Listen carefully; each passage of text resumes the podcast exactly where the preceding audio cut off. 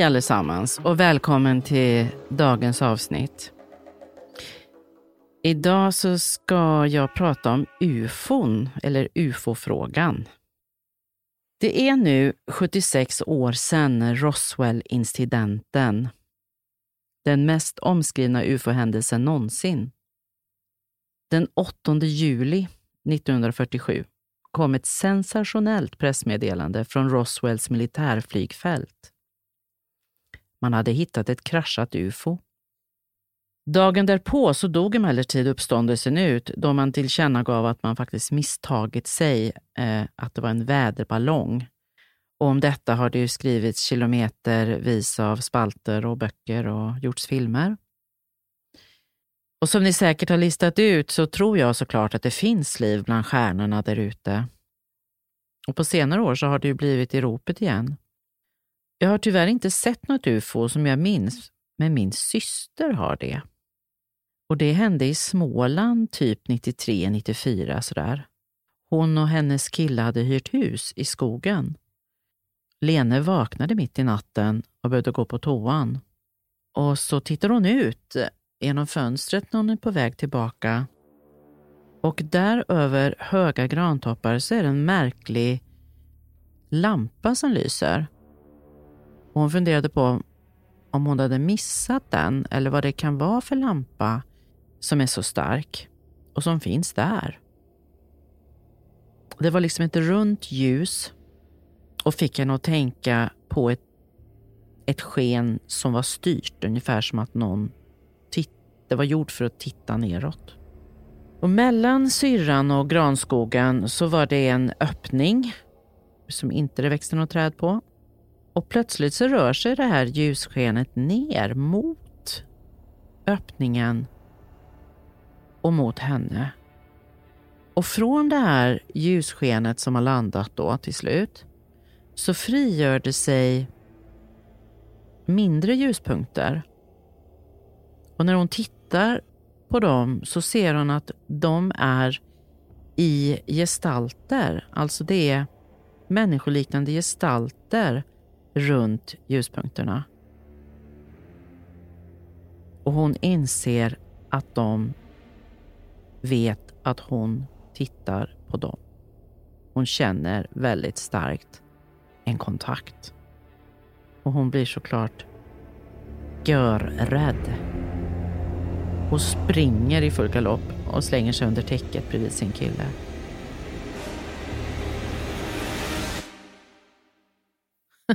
Det kunde ju ha blivit väldigt mycket mer spännande om hon faktiskt hade tagit mod till sig och kanske gått ut och undersökt.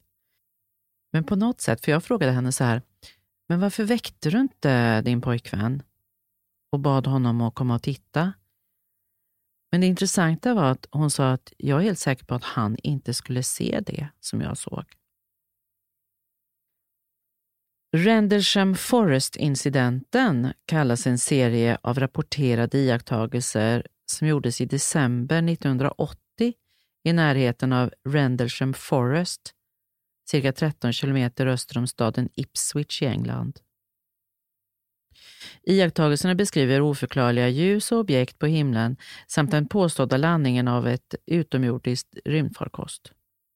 Den är tillsammans med Berwyn Mountain-incidenten den kanske mest berömda ufo-händelsen i Storbritannien och en av de bäst kända i världen. Den har blivit jämförd med Roswell-incidenten i USA och är bland amerikaner vanligtvis refererad till som Storbritanniens Roswell. Efter händelsen så förnekade Storbritanniens försvarsministerium att den utgjorde ett hot mot den nationella säkerheten och därför blev den aldrig utredd som ett säkerhetsproblem. Men det kom senare fram att försvarsministeriet hade en stor mapp om incidenten, vilket har lett till påståenden om en mörkläggning. Några har tolkat det här som en del av ett större mönster av informationsförtryck som berör den sanna verkligheten bakom oidentifierade flygande föremål och de menar att informationsförtrycket utövas av både amerikanska och brittiska regeringar. Jag ska här återge lite grann vad som berättas om eh, den här eh, händelsen eh, i Rendlesham eh, Forest. På kvällen den 26 december 1980 rapporterade en invånare i byn Southbourne, cirka 10 kilometer nordost om Rendlesham Forest, om en mystisk form likt en uppåtvänd svamp i luften ovanför sin trädgård. Det kom också in rapporter om ett oidentifierat flygande föremål i närheten av Woodbridge Air Base. Där trodde militärer från början att det var en havererad flygfarkost. När de dock kom in i skogen för att undersöka vad det var såg de många konstiga ljus som rörde sig genom träden och ett bländande ljus från ett oidentifierat föremål. Några av männen hävdade att de hade sett ett koniskt metalliskt objekt upphängd i ett gult dis som svävade ovanför en skogsglänta. Ovanför objektet pulserade en blå och röd cirkel av ljus. Ett ögonvittne påstår att de såg ett triangelformat landningsställ på objektet. Militärerna hävdade även att objektet såg ut att vara fullkomligt medvetet om deras närvaro och förflyttade sig bort från dem, vilket tvingade dem att följa efter. Militärerna hade senare sagt att de hade befunnit sig i ett förvirrat tillstånd. Några rapporter påstår att lokala gårds och husdjur hade uppträtt i ett tillstånd av rädsla och panik. Enligt påståenden blev männen utfrågade, hotade och beordrade att skriva under dokument som tvingade dem att hålla tyst. En person hävdar till och med att denne tvingades underteckna ett dokument som påstod att ufot de såg var en fyr. Militärerna återvände nästa morgon till den lilla skogsgläntan där de hade sett det här koniska objektet. De fann tre små avtryck i ett triangelformat mönster likväl som brännmärken och brutna grenar på närbelägna träd. De kom tillbaks på kvällen den 28 december med strålningsdetektorer men betydelsen av resultatet de fick är omtvistade. Den ställföreträdande baskommendören undersökte personligen denna iakttagelse och spelade in händelserna på en mikrokassettinspelare. Det har gått rykten om att små varelser med kupolförsedda huvuden lämnade farkosten och att Bentwaters baskommendör Gordon Williams kommunicerade med utomjordingar via teckenspråk. Dessa rykten har inga bevis och kommer från obekräftade utlåtanden.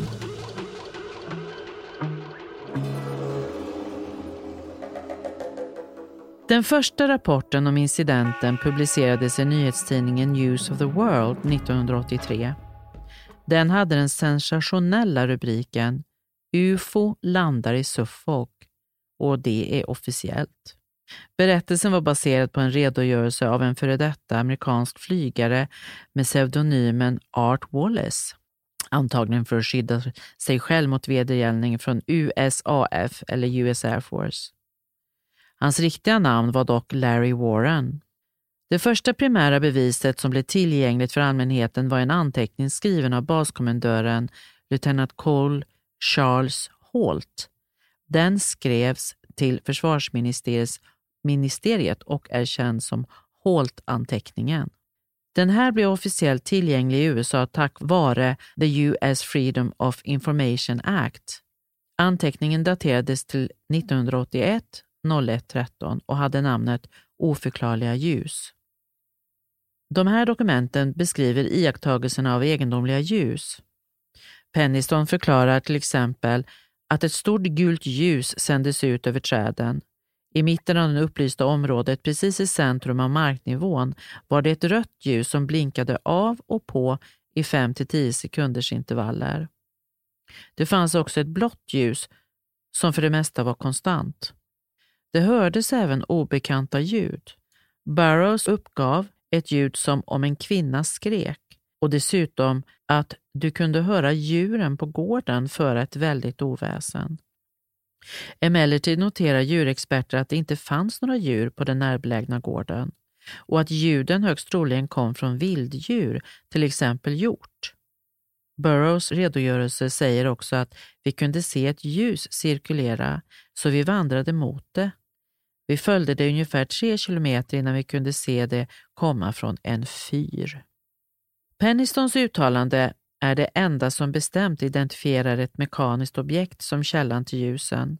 Han anger att han var 50 meter från objektet och det var definitivt av mekanisk karaktär. År 1984 fick forskare tag på vad som har blivit känt som Holtbandet. På grund av brus och att bandet hade spelats in på en gammal maskin så kunde mycket av dess bakgrundskonversationer inte urskiljas.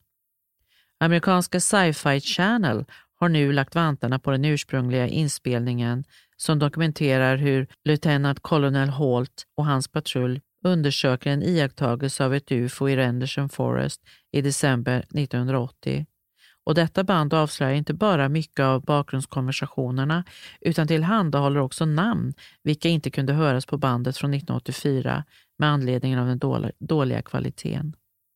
Och de som är nyfikna på, på den här incidenten så finns det väldigt mycket dokumenterat eh, om det. Eh, så sök på det. Så, och jag tror även det finns eh, både på Youtube och, och andra kanaler.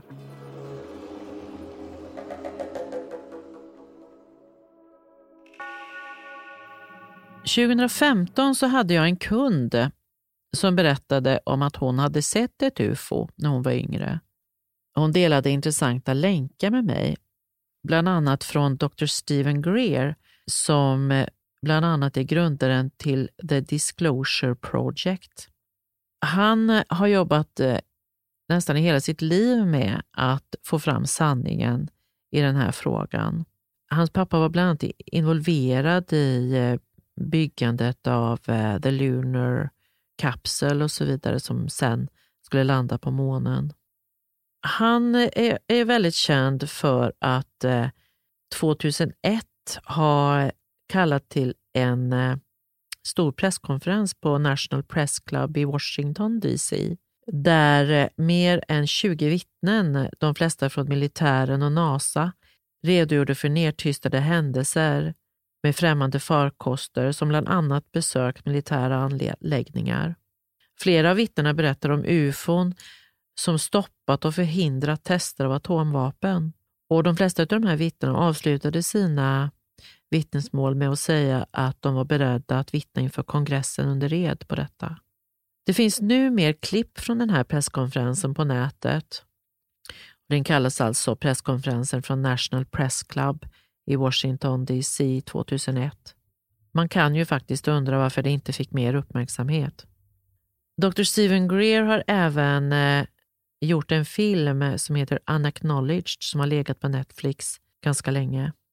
Den här kunden jag hade som hade sett ufon, eh, hon och jag gick helt lost på hela den här ufo-frågan och eh, andra saker som jag upptäckte. Alltså, det vill säga de länkarna som hon skickade mig med Stephen Greer, för Stephen Greer är inte bara mm, inläst på ufo-frågan utan, utan han presenterade också för mig sanningen om hur allting hör ihop. Alltså, man kanske tänker sig att ufo-frågan är separat från allting annat, eh, men så är det inte. Mm, det finns en hel del händelser i vår historia som är förknippade förknippat med eh, ufon. Nåväl, jag och min kund, numera väninna då, upptäckte att eh, det skulle vara ett stort ufo-konvent i USA. Och Det här var 2016. Och eh, vi såklart skulle dit. Det här skulle ske då, eller jag tror att den här eh, eh ufo-konventet som då heter Contact in the Desert, den går av stapeln, jag tror det är varje år på samma ställe, men det är i eh, öknen söder om Los Angeles, Joshua Tree. Så ja, dit tog vi oss. En helt fantastisk eh, upplevelse.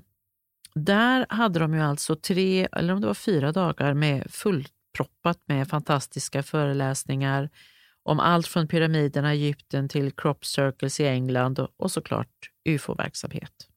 Det är lite skillnad då på att prata om ufon och ufon då.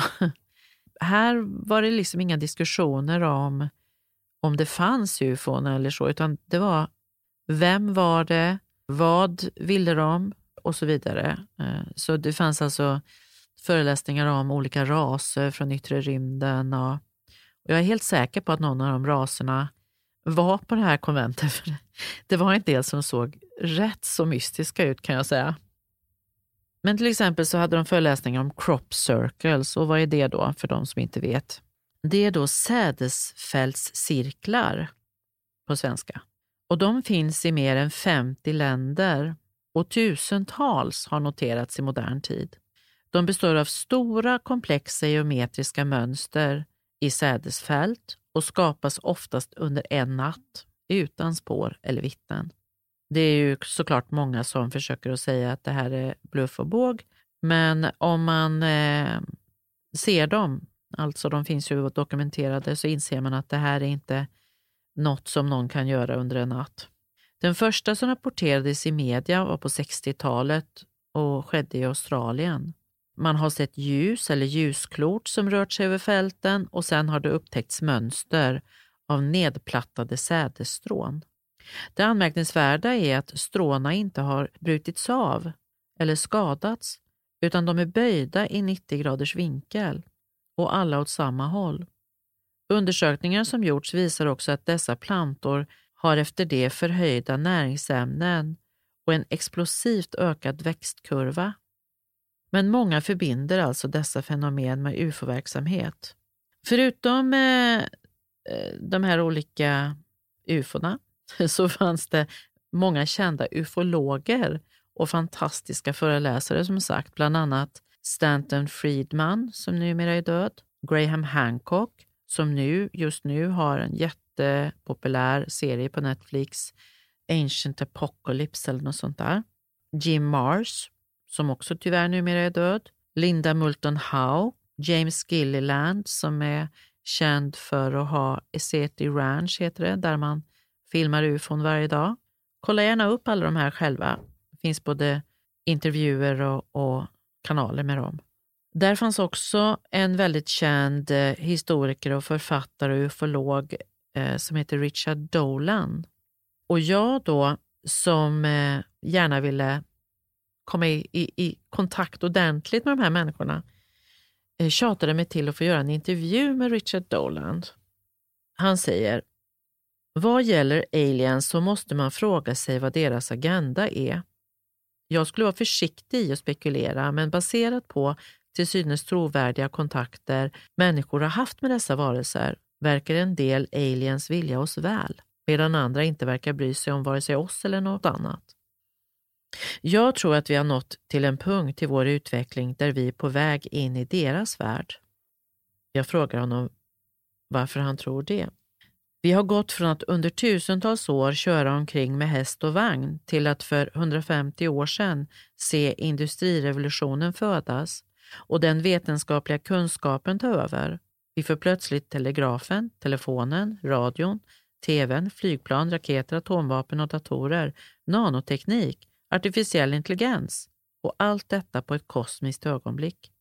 Vi har återuppfunnit oss själva på ett dramatiskt sätt. Vilket som helst intelligent livsform som iakttar oss måste se att vi utvecklat oss i en enorm hastighet vilken även medför att vi kan upptäcka onormala fenomen och samla information på ett helt annat sätt. Om du borta i Skandinavien eller jag här i USA såg ett UFO för 300 år sedan, vad skulle vi göra åt det? Ingenting. Vi kunde varken läsa eller skriva och långt ifrån förstå eller uppfatta ett UFO. Nu är det en helt annan värld. Vi är cirka 7,5 miljarder människor med helt andra möjligheter till kommunikation. Vi har avläsningsapparatur, vi rör oss i luften, vi är överallt och det medför att vi både kan upptäcka dem, alltså ufon, och interagera med dem på ett helt annat sätt än förut. Vi har dessutom vapen som är farliga även för dem, så vi har nog fått deras uppmärksamhet. De ser nog oss just nu som den största showen i galaxen och undrar kanske vad som kommer att hända i nästa avsnitt. Kommer vi krascha eller kommer vi att nå nästa nivå? Kanske deras, var eller vad nu det än är. Och jag frågar vidare, vad är din tanke omkring artificiell intelligens? Och Richard Dolan säger, folk som tycker att ufon är konstiga borde läsa om forskning inom AI. Dessa vetenskapligt accepterade forskare är bra mycket galnare än vad jag är, men de kanske har rätt. Till exempel Ray Kurzweil förutspår en värld där din dator kallar sig själv en medveten varelse med en IQ som ligger långt över ett genis nivå och du kommer att acceptera det. Datorer kanske kommer att ha en gudalik status framöver och om det skulle bli så, vad skulle det innebära för vår framtid? Om det skulle vara mer intelligenta än vi, skulle vi ha svårt att kontrollera dem. Det kallas den teknologiska singulariteten. Gamla regler, regler skulle inte gälla längre. Precis som i ett svart hål där vi inte kan beräkna utgången skulle vi kunna hamna i ett teknologiskt singulärt läge där vi inte kan förutse utgången då vi inte längre är den dominanta kraften i vår värld. Vi skulle vara beroende av hur de värderade oss. Kanske skulle de se oss som ett virus i programmet och rensa bort oss. Jag är väldigt intresserad av AI och jag tror verkligen att de så kallade ufo-fenomenen har ett samband med någon form av AI. Det vi kallar Grace, alltså små grå aliens, kan vara AI. Kanske produkterna av någon avancerad form av organisk 3D-printing eller genetisk manipulation.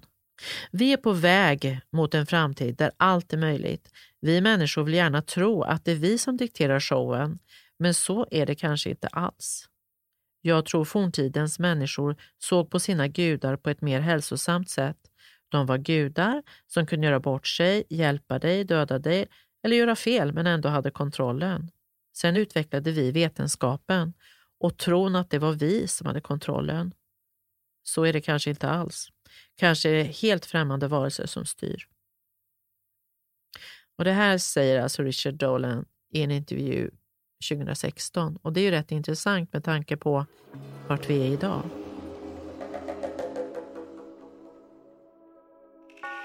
En annan helt oväntad faktum är att världens största ufo-bibliotek faktiskt ligger här i Sverige, i Norrköping faktiskt. The Archives for the Unexplained. Verksamheten startades av Håkan Blomqvist, Kjell Jonsson och Anders Liljegren 1973. Idag omfattar samlingarna på 3,5 hyllkilometer arkiv på 15 olika platser i stan. Enligt egen uppgift så är det världens största arkiv för oförklarliga eller svårförklarliga fenomen. Här ingår också Riksorganisationen UFO Sveriges hela arkiv och bibliotek. Lånebiblioteket består av sammanlagt 36 000 titlar. Jag var ju naturligtvis tvungen att ringa till Håkan Blomqvist eh, när jag upptäckte det här, för jag tyckte det var så anmärkningsvärt att det här var någonting som man generellt inte känner till i Sverige, att de ens existerar.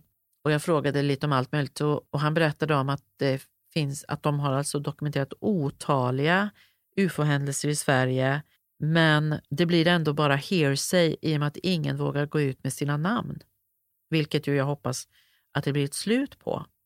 Det vill säga, om folk står för det de har upplevt så kommer nog alltså vår situation och frågeställning om det här ändras radikalt. 2017 så eh, är det ny, på vanliga nyheter i Sverige så pratar man om eh, ATIP, alltså en förkortning AATIP, som eh, var en oklassificerad men opublicerad avdelning, alltså hemlig, som finansierades av USAs regering för att studera oidentifierade flygande föremål, alltså ufon. Och det här har man ju då nekat för i alla år att man har gjort. Men alltså 2017 så briserade det här på nyheterna. Avdelningen offentliggjordes för första gången den 16 december 2017 av avdelningens ledare Luis Elizondo och därmed så erkände alltså USA att man undersöker och har undersökt ufo-frågan. Bland informationen som släppts därifrån finns flera korta videor av militära jetplan som stöter på något de inte kunde identifiera. Utgivningen av dessa videor var en del av en kampanj av Luis Elizondo som då arbetade för To the Stars Academy of Arts and Science för att belysa Pentagon-programmet.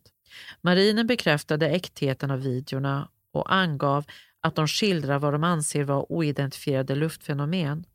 Susan Goth, en taleskvinna för Pentagon, bekräftade att de tre videorna gjorda av marinflygare var en del av en större undersökning om ett ökat antal intrång av oidentifierade luftfenomen under de senaste åren.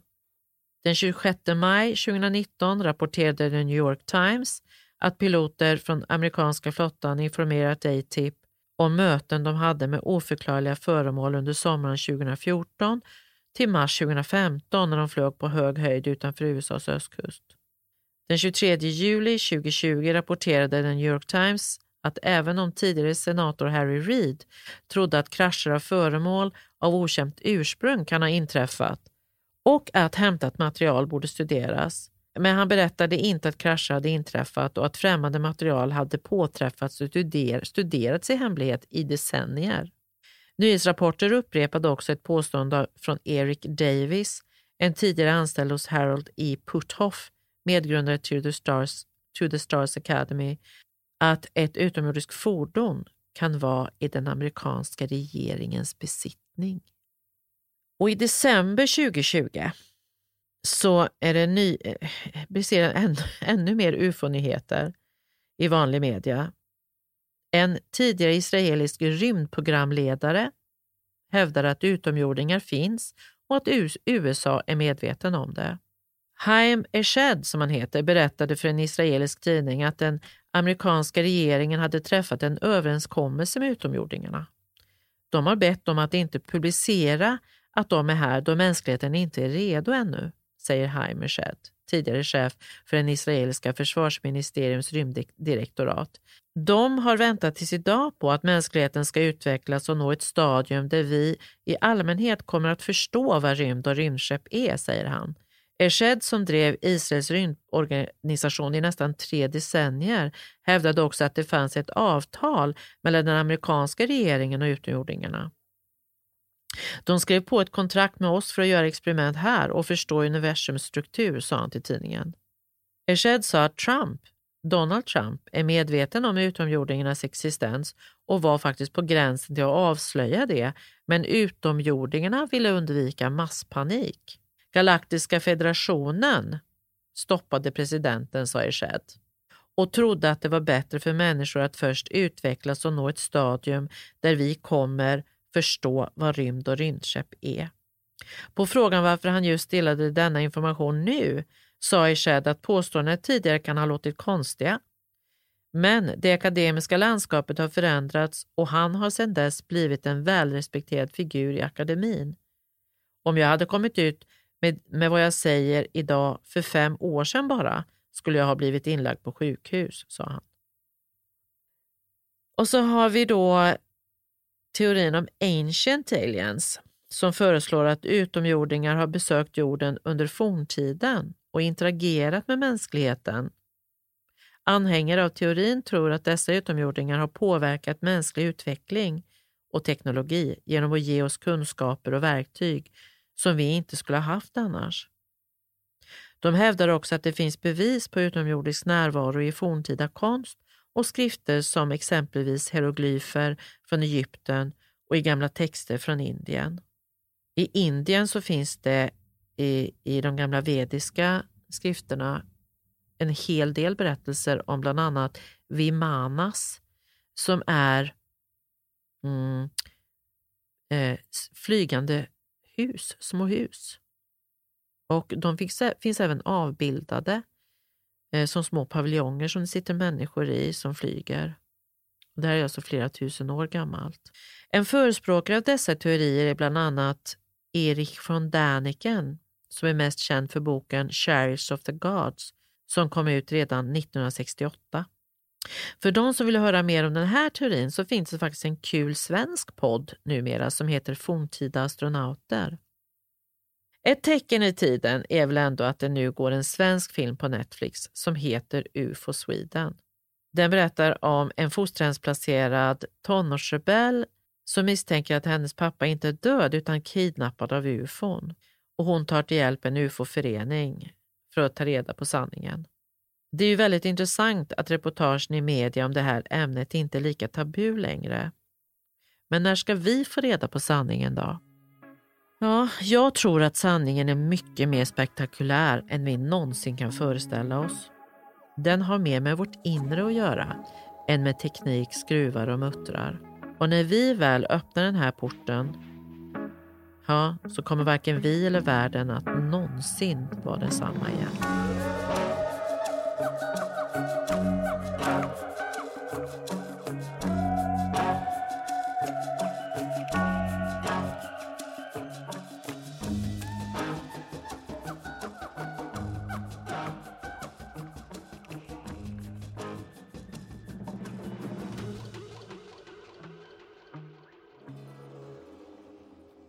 Thank you for listening to this Polpo original. You've been amazing.